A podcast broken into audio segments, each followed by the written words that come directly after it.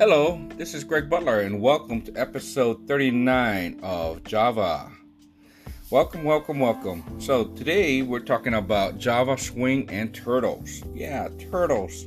Turtles are fun. Um, turtles are really fun, especially in Java, because in Java everything's kind of confusing, and uh, trust me, it's a lot of confusing. Uh, but what happens with a turtle is a turtle basically draws a picture on the screen, and basically you can draw uh, whatever you want. Um, in our case, we drew a square and a rectangle, and you can make stars and snowflakes and all that stuff. And basically, what we do with Java um, is we learn how to uh, create classes and we instantiate um, objects. In my case, I created a new turtle in this turtle world, and his name is Yertle, Yertle the turtle. And basically, the way I make him go is I just have a sequence of commands Yertle dot forward, Yertle dot turn right, Yertle dot forward, and, and, and so forth, right?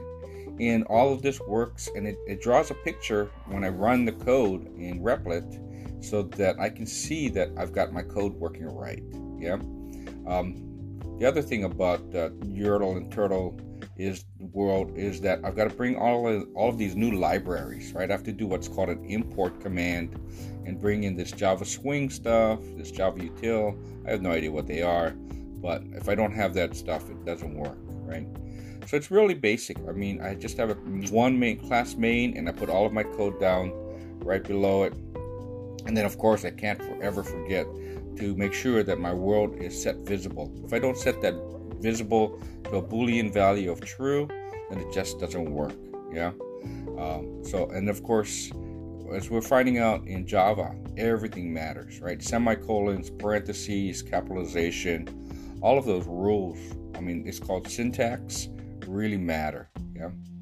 Um, so that's this episode. We hope you have fun with uh, Turtle the Yertle. If you or make name, name your turtle after your favorite pet name, right? Thanks for watching. Thanks for listening. I'll see you next time where we'll talk about more things Java. Bye.